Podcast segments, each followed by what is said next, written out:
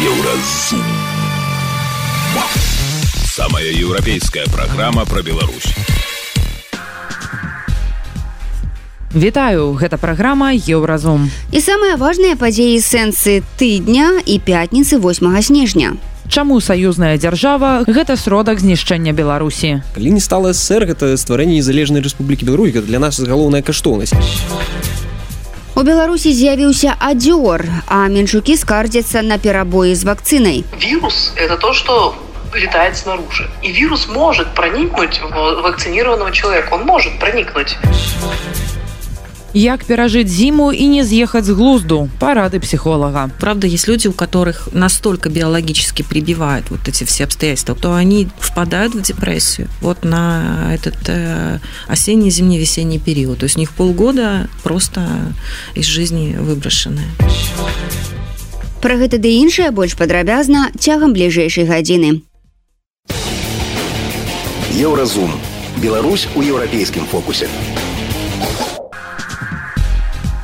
32 гады таму у белавежскай пушчы лідары беларусі украіны і рассіі то бок шушкевич краўчук і ельцын подпісалі белавежскія пагадненні афіцыйна паставіўшы крыж на існаванні ссср Але наўзамен яму быў створаны СНД, а крыху пазней і саюзная дзяржава Беларусі і рассіі. Апошняя існуе і да сёння, але 6 жніўня гэтага года беларускія дэмсілы як адно са сваіх стратэгічных мэтаў вызначылі выхад з усіх саюзаў з расійскай федэрацыяй. Каманда народнага антыкрызіснага ўпраўлення пры падтрымцы аб'яднанага пераходнага кабінета Беларусі апублікавала даклад саюзная дзяржава як інструмент прыкрыцця імперскай палітыкі рассіі. Якія пагрозы для незалежнасці Беларусі нясе напаўжывая саюзная дзяржава, якія высновы робяць аўтары даклада, ці існуе магчымасць мірна выйсці з-пад уплыву рассіі. На гэтае ды іншае пытанне нашага рэдактара Зметра Лукашука адказвае намеснік кіраўніка народнага антыкрызіснага ўпраўлення Артём Брухан. Я разумею что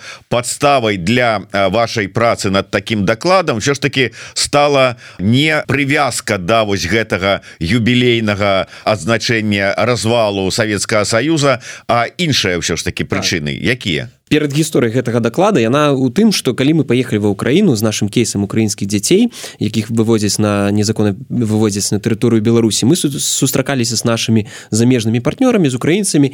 І вось у ходзе адной таких сустрэч один з наших там коллег ён спытаў слухайте вось вы кажаце что перамяшэнне украінскіх дзяцей яно адбываецца ну у межах саюзнай дзяржавы под прыкрыццём саюзнай дзяржавы яна фінансуе гэта.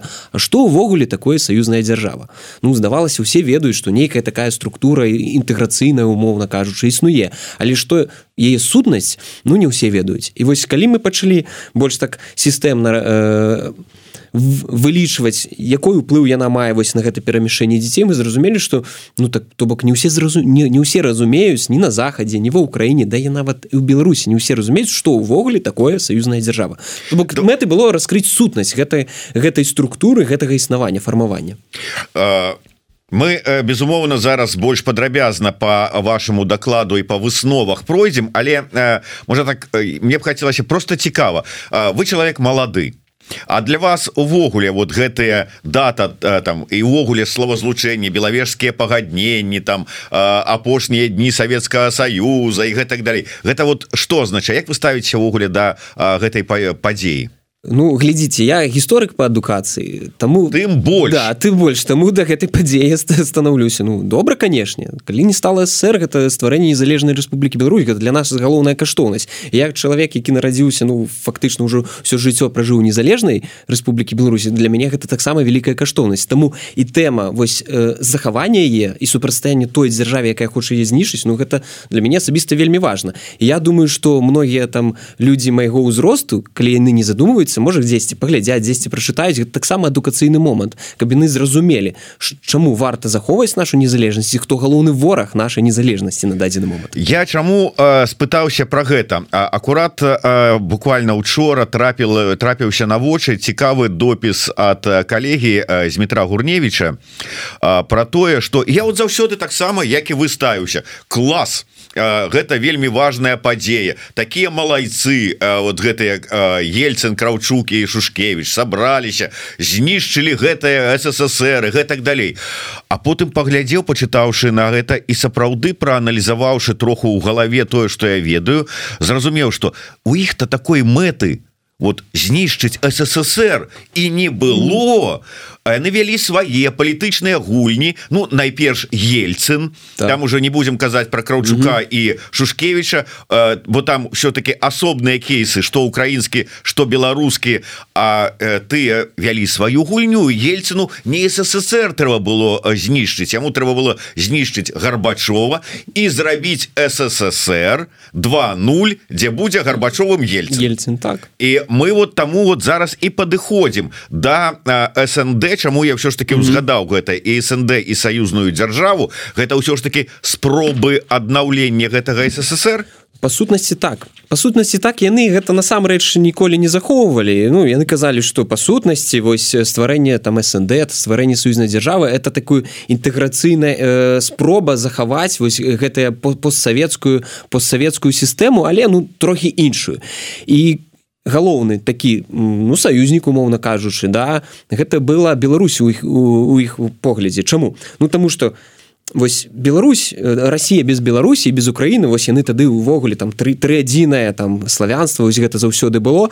Вось без Украіны вось мы зараз бачым что адбываецца ну фактычна яны кажуць гэта антырасі нам патрэбна ее вернуть вось Беларусі тут без Беларусі Росія тое ж самае яна перастае быць вось той самай імперыяй. Галоўная сутнасць гэтай краіны гэта імперская краіна. Яна хоча за, за, за захопліваць тэрыторыі тэрыторыі тэрыторыі. Нават адзін з яе ідэолагаў зараз вось рускага света суркоў ён казаў мы іншая імперыя мы не торговая імперыя мы вайсковая імперыя мы за, захопліваем тэрыторыі за кожны гэтага мы існуем і вось А скажите мне все ж таки як гісторыку дадзеным выпадку мы вот гэтыя тэзісы про тое что без Украины ну оказывается пись Беларусі яшчэ памятаем по Леніну тому ж самому які-то тое ж самое вот это імперскость это у галаве с бальшевіцкім ухілам але тая же самая российская імперскость але вот чаму яны так уперліся менавіта сюды у увесь же час калі прыгадаць апошнія там стагоддзі расійскай імперыі яны ўсё ваявалі каўказ Чаму зараз яны не пруцца на каўказ ваяваць а лезуць сюды ў нашы накірунку? Ну глядзіце у каўказ таксама яны трохі лезуць часткова ну, не так агрэсіўна так, агрэсіўна. гэта па-першае. По-другое яны ж разумеюць што вось гэтыя краіны яны ну у разуменні нават заходнікаў Ну яны такія частка рускага свету. І вось калі яны адрываюцца Украіна і Беларусь. Так так. Ну доўгі час ну давайте так. Нават э, Польша і Венгрыя да у горшы на доўгі час яны таксама лічыліся ну такой гэта сфера інтарэсаў Савецкага союза але потым калі гэта ўжо сталі цалкам еўрапейскія незалежныя дзяржавы так такія ж адносіны былі да беларусі Украіны што ну глядзіце гэту заўсёды будзе сфера ўплыву Росіі Ну таму што вось так гістарычна склалася. Але не гэта не так. І вось гэты дэзінтэграцыйныя працэсы яны падоўжваліся і Беларусь вось як по краіна больш якая была доўгі час частка Еўропы да? Яна хотела вернуться як і Украіна. Яны хотели вернуться ў Европу але Россия гэта не патрэбная она не хоча гэтага допусціць тому что гэта ну, экзістэнцыйная для яго для пытання знішэння вось сваей імперскасці. Тому яны знове пытаются спрабуюць вернуць гэта назад захаваць гэтыя тэрыторыі. А потым калі б ім удалося напрыклад захапіць і Беларусі Украіну цалкам ну, потым зноў на каўказ бы пашліце кудысьці яшчэ заўсёды кудысьці будуць ісці яна не можа быць у адных межах яна павінна разрастацца тому что гэта есть сутнасць імперыі працягваем размову з арцёмам бруханам глядзіце колькі існавала у гэтая саюзная дзяржава да яе стаўленне было такое ну нешта прыдумалі нейкую э, абы што. Ну нешта яно там ёсць нейкія грошы под гэта выдзяляюцца нейкія дзядзькі ў касцюмчыках ходзяць кажуць што мы там саюзную дзяржаву прадстаўляем. Але гэта ўсё фуфло нейкае. Фантом нейкае такое мёртва народжанае невядома што. І што змянілася? Чаму да такая увага да доўгі час я пагаджуся з тымі аналітыкамі якія казалі слухаць гэта мертва народжанае дзіця гэта фан фантом нічога яно ніяк не ўплывае але вось калі гістарычны аспект закрануць калі яна стваралася хто быў галоўным актарам хто хацеў стварэння гэтай саюзнай дзяржавы ну, калі верыць то лукашенко. Да, безумоўна. Безумоўна. Нават калі я размаўляў з владимир аркадьевичем остапенко он таксама казаў як чалавек дасведчаны які бачыўшы что это там адбывалася казаў что да. Калі якое-нибудь паскудства на палітычным узроўні так і думаю что там лукашенко за ім вось, вось. Нават на такім узроўні да. І ён быў галоўным таким рухавіком вось гэтага договора дамовы аб стварэнні саюзнай дзяржавы. Ну зразумела чаму. Тому что гэты чалавек ён разглядаў Беларусь як такі платформу для того каб попасть у Москву і вось слабы ельцы на той час яму как бы казалася что ён можа занять яго место але калі прыйшоў Путін ну, цалкам ситуация змянілася. Он зразумеў что слухайте прыйшоў новый чалавек моцна ўзяў ладу і гэты чалавек кажа ну глядзіце добра саюзная дзяржава ёсць дамова ёсць давайте яе выконваць А гэта уже пачало пагражаць уладзе лукашэнкі. І ён пачаў ставіць гэта ўсё на паузу тармазіць гэты працэс Ну і Росія не, не надта там у той час была ў гэтым зацікаўлена. Таму гэта паставілася на паузу але тады нават тады гучалі такія выказванні пра канстытуцыйны акт саюзнай дзяржавы. Канстытуцыйны акт саюзнай дзяржавы гэта галоўнае што рабіла з гэтага фантома з гэтага неведама што рэальную дзяржаву адзіную. Вось і калі пачалася размова пра канстытуцыйны акт вельмі хутка лукашенко зразумеў што яго ўладзе ну вялікая пагроза. І тады ён спрабаваў гэты працэс застановіць і гэта на нейкі час удалося. Але Росія і Путін ён ніколі на гэтую ідэю пра аднаўленне Савецкага союза ці неорасійскай імперы я не ведаю что там у галаве але ўсё ж таки імперыі у любым выпадку ну, яна нікуды не дзелася. І что мы убачылі у 14 годзе да Крым потым Донбас Ну а то что 22 годзе мы таксама побачылі то быў ад гэтай ідэі ніхто не адказаўся. Але глядзіце ўсё ж таки вот этыя спробы аднавісці там реанімировать гэты mm -hmm. працэс яны пачаліся до 20годдзя так званага ўтварэння саюзнай дзяржавы Чаму Ну цікавае пытанне насамрэч. Я думаю что па-першае яны вельмі любяць сімвалізм. Вось заўсёды. Нават сёння мы вы так супала не, не спецыяльна але супала что мы таксама ў гэты дзень э, размаўляем про гэта да про гэты даклад ён выдадзены.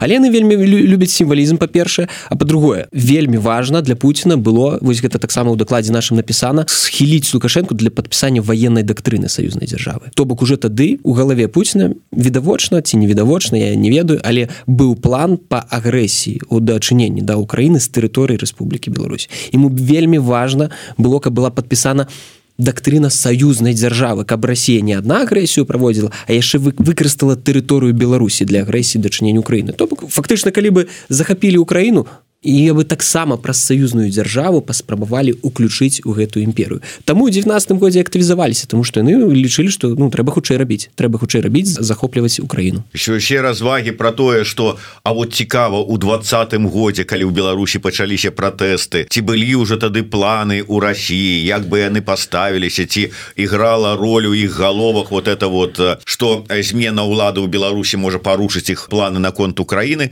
то атрымліваецца былі уже ў 19 году рыхтаваліся я не ведаю да але ж я могу предположить что так. Весь працэс гістарычны лагічны кажа про тое вы пишете под ширмой саюзнай дзяржавы стаў адбывацца чарговы этап узмацнення ўплыву Российской Федерации на Беларусь у чым это проявлялася военная доктрина саюзнай дзяржавы гэта ну тое каб выкарыстаць тэрыторыю Беларусі для агрэсіі але что тычыцца менавіта палітычнага пункту гледжання то бок глядзіце Россия дасягла свае мэты выкарыстаць тэрыторыю Беларусі павялічыць вайсковую прысутнасць стварыць там рэгіянальную групоўку войск і гэтак далей. І наступны лагічны крок іх разуменні Ну гэта палітычны павелічэнне палітычнага ўплыву. І калі может вы памятаеце такі быў ці ці то зліў ці то не зліў дакумента дзе было сказано что планы Росіі паглынуць Беларусь за 2030 года. У них былі кароткатэрміновыя сярэднай тэрміновыя доўгатэрміновыя планы. Мы не ведаем гэта фейк ці не фейк але ўсё тое что адбываецца кажа про тое что так планы такія ёсць. І вось сярод сярэдні сярэднетэрміновых планаў там было прапісана павелічэнне палітычнага ўплыву на беларускія эліты стварэнне прарасійскіх актараў. Глядзіце калі пачаліся моцныя рэпрэсіі ў дачыненні да грамадзянскай супольнасці наша грамадзянская супольнасць у беларусі она была такой праеўрапейскай дэмакратычнай за незалежнасць выступала. У 21 годзе пасля візіту патрушава лукашенко выказаўся что так грамадзянская супольнасць цалкам кантралюецца Еўропай яны хочуць знішыць нашу там краіну вось таму трэба іх всех вычышыць і под ноль знішаецца грамадзянская супольнасць праеўрапейская дэмакратычная беларуская. Але на яе месцы нічога не, не стваралася новага. Тады рэжым вырашыў стварыць там гонка так званая да вось гэтыя дзяржаўныя прота грамадзянскую супольнасць. Але досведу няма. Не было досведу і рускія на гэта поле вельмі хутка прыйшлі. Пачалі стварацца вось гэтыя прарасійскія недзяржаўныя арганізацыі. Расійскія актывісты тая ж бондар вось такі яскравы прыклад того что гэта такое. То бок на выжжаным поле пачалі прарастаць прарасійскія актывісты. І вось фарміруецца такая ну псеўда грамадзянская супольнасць з цалкам прарасійскімі поглядамі і вось гэта прарасійская грамадзянская супольнасць пры дарэчы вельмі добра пісаў у дакладзе сваём айсанса Яна Усеюшкін гэта расійская грамадзянская супольнасць наступны лагічны яе крок палітычны удзел у кіраванні беларусі. І што яны робяць? Яны па сутнасці інтэгруюцца ў беларускую палітычную сістэму праз уніфікацыю партыйнай сістэмы. Калі мы паглядзім што адбылося калі быў бы прыняты закон о палітычных партыях колькі зараз засталося партый? 4 белая Русь зразумела. Партыя гайдукевича камуністычная партыя і партыя рэспубліканская партыя труда і справядлівасці у Росіі таксама чатыры асноўныя партыі единая Россия справядлівая Россия лдпр і камуністы па сутнасці адбываецца уніфікацыя сістэм і ў гэтыя партыі пранікаюць ну вось гэтыя прарасійскія актывісты палітсавет беларусі давайте паглядзім хто туды вайшоў гігін азарёнак это людзі рускага света заходні русісты А вось заходні русізм ну, гэта тое тыя погляды які ўвогуле адмаўляюць існаванне беларусі і як дзяржавы. І вось яны вельмі добра убудоўваюцца ў гэтую сістэму саюзнай дзяржавы. І вось праз іх яны будуць павялічваць свой палітычны ўплыў. І рэжым лукашэнкі за свайго падыходу я не можа ўжо гэтаму супрацьстаяць ось гэтым пытанні. а Мы слухали намесніка кіраўніка народнага антыкрызіснага ўправлення Артёма Брухана. Ён распавёў пра даклад, які раскрывае сутнасць саюзнай дзяржавы Беларусі і рассіі і паразважаў пра пагрозы незалежнасці нашай краіны, якія нясе гэтае наддзяржаўнае ўтварэнне. Еўрарадыё кропка FM. Далей у праграме еўразум. У Беларусі з'явіўся адзёр, а менчукі скардзяцца на перабоі з вакцынай. Вирус – это то, что летает снаружи. И вирус может проникнуть в вакцинированного человека. Он может проникнуть. Як перажыць зіму і не з'ехаць з глузду? Парады психолога правда есть люди у которых настолько биологически прибивают вот эти все обстоятельства то они впадают в депрессию вот на этот э, осенний зимний весенний период. То есть у них полгода просто из жизни выброшены сустрэнемся пасля навінаў спорту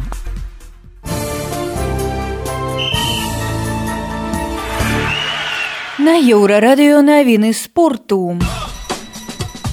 Алексей Протас вызначыўся ў матчы чэмпіянату НХл Вашынгтона з даласам. Беларускі хакеіст закінуў шайбу і зрабіў галявую перадачу. Аднак Вашынгтон гэты паядынак прайграў у серыі буліта ў 4-5. Ягор Шаранговіч дапамог калгары абыграць караліну 3-2 на яго рахунку галявая перадача. Баскетбалісты мінска прайгралі 15 матч за пару чэмпіянаце адзінай лігі ВТБ. На гэты раз стане 84-89 госці лепш згулялі ў авертайме. Мінск застаецца адзінай камандай ў першынстве, якая не мае перамог. У гандбольнай лізе чэмпіёнаў польская вісла з беларусам кірылам самойлам атрымала трэцюю перамогу. Быў абыграны веспрым 37-30 у самойлы забітых мячоў няма. У складзе венгерскай каманды не было беларусам мікіты вайлупава. Ён атрымаў траўму. У чэмпіянаце беларусі па гандболе мяшкоў брест выйграў у гомеля 34 28 брэская каманда лідыруе апярэджвае ска на чатыры ачкі але ў армейцаў ёсць матч у запасе. у Івацевічы прадставіць Беларусі ў папярэднім раўндзе футбольнага кубка рэгіёнаў. У групе будуць аматарскія каманды з Іспаніі, Балгарыі і Малдовы матчы стартуюць у канцы ліпеня наступнага года. Гэта былі навіны спорту на еўрарадыё. Заставайцеся з намі. Еўразум. Беларусь у еўрапейскім фокусе. Еўрарадыё. Моц настрою. Па Беларусі распаўзаецца адзёр. Сітуацыя не катастрафічная, прынамсі, паводле афіцыйных паведамленняў мінздароўя і звестак з палёў, то бок з бацькоўскіх чатах у школах і інсайдаў ад медыкаў. Аднак усё ж нагода насцярожыцца ёсць. У гэтым годзе у Беларусі зарэгістравалі больш за 140 выпадкаў адру, з якіх больш за 90 за апошнія злішкам месяц. Больш за ўсё тых, хто захварэў у брэскай, гомельскай і мінскай абласцях, а таксама ў самой сталіцы. Амаль палова хворых гэта дзеці, каля 37соткаў інфікаваных дарослых, маладыя людзі ад 20 до 49 гадоў абсалютная большасць тых хто падхапіў заразу гэта 74соткі пацыентаў не былі прышчэпленыя ад адру ці не валодаюць звесткамі пра прышчэпку. Сярод дзяцей гаворка ідзе ўжо пра 90соткаў тых хто яшчэ не дарос да прышчэпкі або чые бацькі ад яе адмовіліся Пры тым, што адзёр смяротнае інфекцыйнае захворванне, ад якога ёсць вакцына. Ён можа праяўляцца як звычайная прастуда з высокай тэмпературай, кашлем, насмаркам, слабасцю і гэтак далей. Але яго адметная асаблівасць ярка-чырвоная высыпка па ўсім целе. Яна выглядае так, што можна спалохацца, але адзёр не такі пагрозны, як ускладненні, якія выклікае гэты вірус. Ад гэтай хваробы могуць запаліцца мазгавыя абалонкі, а гэта смяротна, магчымы энцефаліт, пнеўманія, развіццё слепаты ці парушэнняў слыху нават страта канцавінаў цела. Больш падрабязна пра сітуацыю вакол адру беларусі у нашым рэпартажы. Апошнія гады адзёр у беларусі асабліва не распаўсюджваўся якраз дзякуючы вакцынацыі. Да 2021 года яго практычна не рэгістравалі. Калі былі выпадкі захворвання то адзінкавыя Хваробы нярэдка завозілі нам прыезджыя суседніх краін, тых жа рассіі і ўкраіны, дзе праблема з адром значна вастрэйшая. Адна інфікаваная адром асоба заражае ўслед за сабой яшчэ 4-5 чалавек. Часцей за ўсё паветрана-кропельным шляхам або праз непасрэдны кантакт з хворым. Па-за целам чалавека вірус не жыве. Вось што кажа пра гэта педыатрыка Мая Церакулова. Для того, чтобы не было эпидемии кори, вакцинировано от кори должно быть больше 60% населения. Для того, чтобы не было повальной эпидемии кори. Для того, чтобы кори не было вообще в социуме, вакцинировано должно быть больше 80% населения. Судя по тому, что не вся Беларусь тут же упала в корь, э, вакцинировано сейчас больше 60, но меньше 80% населения. У Беларусі прышчэпка ад адру абавязковая. Яе робяць дзецям у адзін год і ў 6 гадоў у выглядзе камбінаванай вакцыны ад адру, паратыту і краснухі. Гэтага дастаткова, каб сфармаваўся імунітэт на ўсё жыццё. Тым не менш, калі па звестках мінздароўя 74соткі тых, хто захварэў, не былі прышчэпленыя, выходзіць да астатніх 26соткаў, зараза прычапілася, нягледзячы на прышчэпку. Як так, працягвае Мая Церакулова. Вакцина – это иммунитет внутри человека. Вирус – это то, что летает снаружи. И вирус может проникнуть в вакцинированного человека. Он может проникнуть. Точно так же вакцинированный человек дышит. Вот он через дыхательные пути вирус проникает в организм и вызывает заболевание. И э, у вакцинированного человека, у, у человека, у которого есть иммунитет, сразу срабатывает иммунный ответ. То есть не нужно синтезироваться иммунитету, э, чтобы начаться, начать борьбу с заболеванием.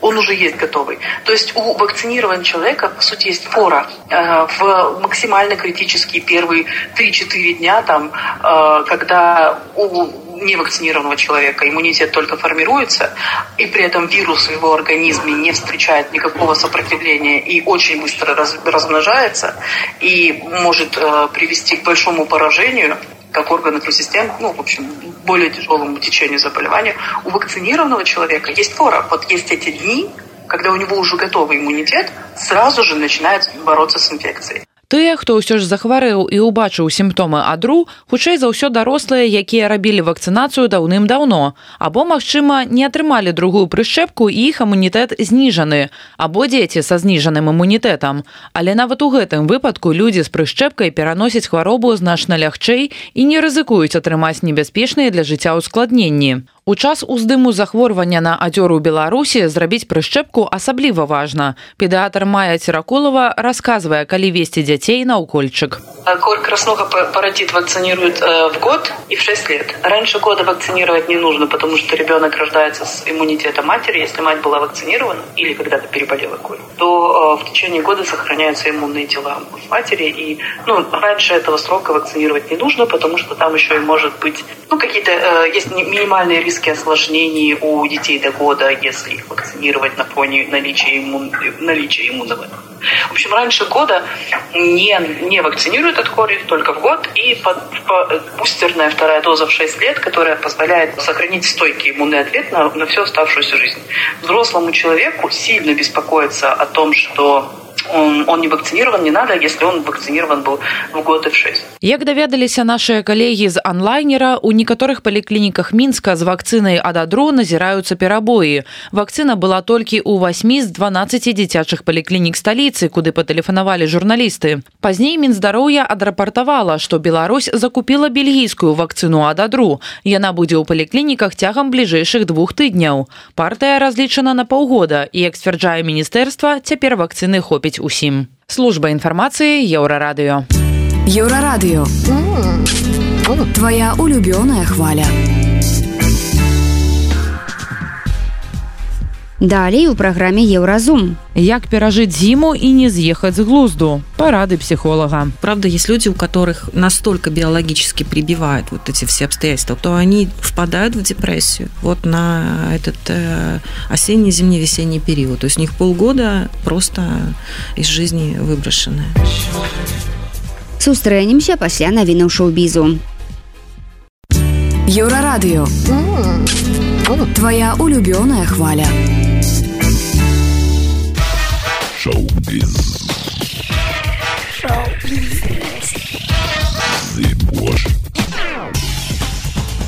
Вітаю гэта навіны шоу-бізу. Баёпік Back to Black пра брытанскую спявачку Эмі Вайнхаус выйдзе ў пракату ў красавіку наступнага года. Галоўную ролю ў стужцы рэжысёра Сэм Тейлор Джонсон выканае актрыса Марыса Абела. Сям'я Вайнхаус поўнасцю падтрымала вытворчасць праекта.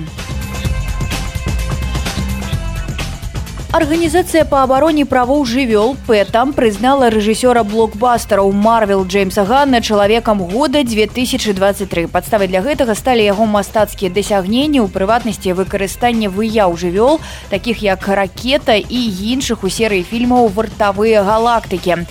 Распавядаючы гісторыю мільёнаў уразлівых жывёл, над якімі здзекваліся падчас эксперыментаў, Джеймс Ган паказаў сябе сапраўдным абаронцам жывёл, гаворыцца ў заяве прэзідэнта пэта Інгрид Ньюкірк. Акрамя гэтага Джеймс Ган актыўна прасоўвае лозунг вазьмі ў прытулку не купляй, калі гаворка захадзіла аб хатніх гадаванцах. У маі 2022 рэжысёр сам усынавіў сабаку па мянушцы озу і рэгулярна дзяліўся момантамі іх сумеснага жыцця са сваімі трыма мільёнамі падпісчыкаў у сервісе па абмене фатаграфіямі. Свае вынікі наконт чалавека года падвёў і папулярны амерыканскі часопіс тайм. Журналісты выдання агучылі імя самага знакамітага і уплывовага чалавека ў свеце. У тайм палічылі, што самы вялікі ўклад у поп-культуру і свет у 2023 годзе ўнесла спявачка Тейлор Свифт. Дзякуючы сваёй творчасці яна сёлета зарабіла рэкордныя сумы. У шорт-ліст часопіса тайм названне чалавек года раней унеслі сідзеньпіна, Карла трэцяга стваральніка чат GPT, пракурора ў справе супраць дональда трампа ляльку барбі і уладзіміра пуціна. Гэта былі навіны шоу-бізу. Заставайцеся на хвалях еўрарадыё. Еўразум. Жыві ў рытме Еўропы.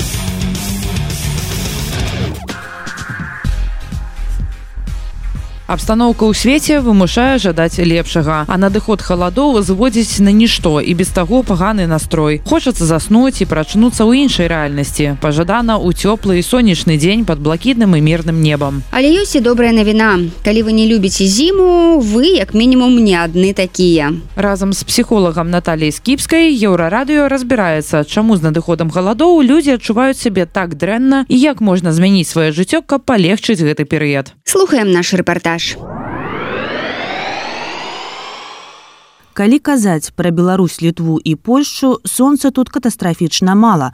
Атрымліваецца няма святла і не хапае цяпла. Вось таму зіма нас і прыбівае кажа псіхолог Наталья скіпская. А таго што холадна мы выдаткоўваем вельмі шмат энергіі. Трэба назапашваць яе каб настроіцца на выхад з дому і зрабіць крок Пасля 22 снежня будзе лягчэй, бо светлавы дзень пачне павялічвацца, таму не ўсё так страшна. Але як пратрымацца да гэтага часу? Вось што раіць психолог. Нужно себе э, добавлять света. Ну, символически, конечно, тоже. Но и прям вот э, реально включать освещение. Ну, как-то не экономить, наверное, на электричестве.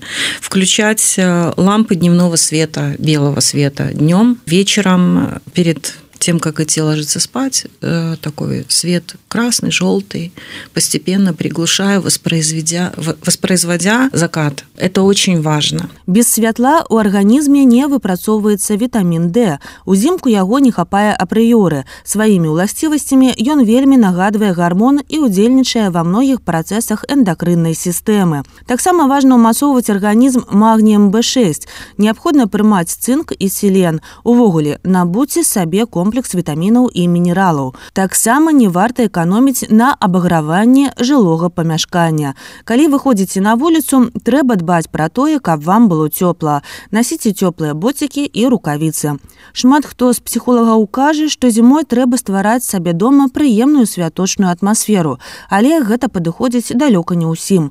Напрыклад, страшна раздражняе навагодняя ілюмінацыя, таму што хочацца адзначыць свята дома з роднымі, а вярнуцца ў Беларусь нельга что рабіць з гэтым? Есть такое грустненько. Ну как бы есть такой анекдот кто в армии служил тот в цирке не смеется да? То есть как бы так и тут у нас как бы что радоваться? Какое э, какой праздник? Э, и да может может бесить очень очень.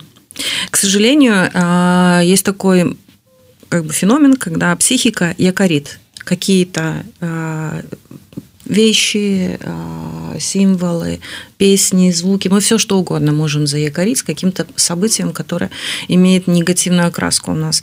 И поэтому а, это происходит автоматически, то есть мы особо не выбираем а, и нужно самим прилагать усилия, хотя бы ну, какие-то праздники для себя оставить. Ну, как бы, с одной стороны, ну, смешно что радоваться от того, что там пришел какой-нибудь там конец календарного года. Ну, что за повод. Вот. Но э, давать, давать возможность просто-напросто уничтожить праздники для себя тоже как-то не очень хотелось бы. Вот. Поэтому э, да, бесит. Да, бесит. Но жить надо. Что поделаешь? И опять-таки, это же то, на что ты не можешь повлиять. Все равно Варшаву украшают, правда?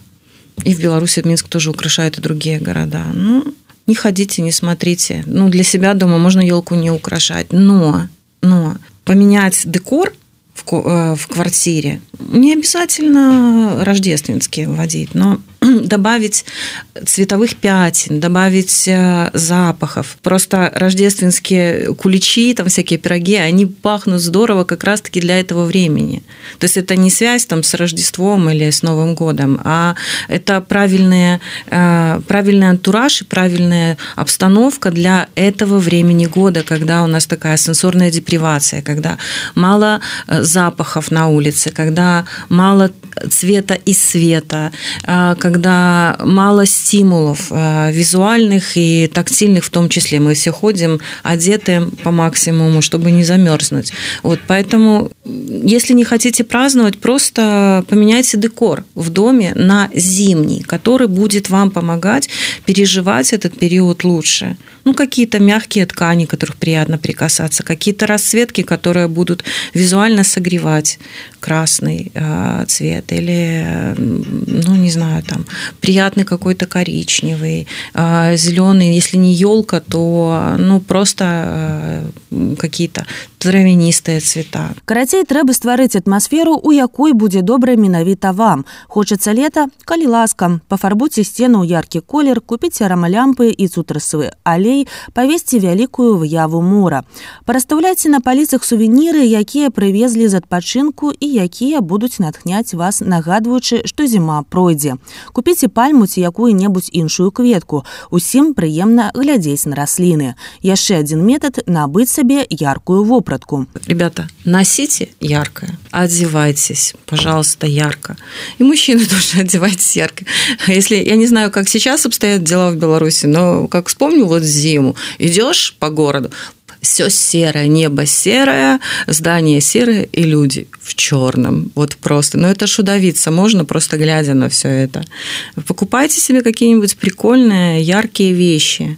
Радуйте, стимулируйте э, свое собственное зрение и других тоже. Давайте возможность зацепиться э, глазу и как-то э, оживиться ну, такой немножко адреналинчик. Увидел что-то яркое? О, трэба дыхаць трэба ж пацараваць але што рабіць калі ўвесь час хочется ляжаць под коўдрай отказывая Наталья скипская выходить на улицу надо гулять тоже надо какая-то умеренная физическая активность должна быть но с другой стороны в том чтобы лежать под одеялом нету ничего плохого если вы лежите качественно как я э, говорю то есть если вы лежите и лежите с смыслом с толком с расстановкой с пониманием что вы лежите потому что вам хочется и вам это нужно прекрасно но если вы уже э, а, если вы при этом, если у вас не получается, вы лежите и пинаете себя с этого дивана, из-под этого одеяла, то, конечно, смысла в таком лежании нет. Опять-таки, если вы лежите патологически долго, если вы не можете себя поднять, соскрести просто с дивана кровати и так далее, то есть э, вероятность того, что э, у вас вообще-то может быть э, сезонное эффективное расстройство. И тогда нужно себя поднять и отвести к психиатру а, за антидепрессантами. Вот, потому что, ну, правда, есть люди, у которых настолько биологически прибивают вот эти все обстоятельства, о которых мы говорили раньше, что они впадают в депрессию вот на этот э, осенний, зимний, весенний период. То есть у них полгода просто из жизни выброшенные. Поэтому если, э, если речь о таком состоянии, то нужно обязательно идти за помощью. Но если вы просто хотите полежать, ну полежите, просто себя не пинайте. Добра таксама, калі у вас ёсць сілы на нейкі занятак, акрамя працы, які будзе натхняць. Можна заняцца спортам ці танцамі, запісацца ў студыю выяўленчага мастацтва, пры магчымасці займацца дабрачыннасцю. Усё гэта зробіць зімовы час менш манатонным. А яшчэ Наталья скіпская раіць захоўваць інфармацыйную гігіену. Калі вам вельмі важна заставацца ў курсе падзей, чытайце навіны не ў той час, калі вы толькі прачнуліся і задаеце сабе настрой на цэлы дзень. І не на ноч калі вы начытаецеся нейкіх жахаў вы просто зруйнуеце сабе сон. Выбірайце час калі у вас хапае ресурсу каб засвоіць нейкую інфармацыю і своечасова сказаць сабе стоп бясконца сядзець у навінах не трэба памятайце што радавацца жыццю нармальна і сённяшні дзень ніколі не паўторыцца інфармацыйная служба еўрарадыё Гэта была праграма Еўразум, штодзённы інфармацыйны падкаст еўрарадыё. Кожны дзень мы распавядаем пра галоўныя навіны Беларусі і свету. А сённяшні выпуск скончаны. Беражыце сябе. Пачуемся. Еўразум. Самая еўрапейская праграма пра Беларусь.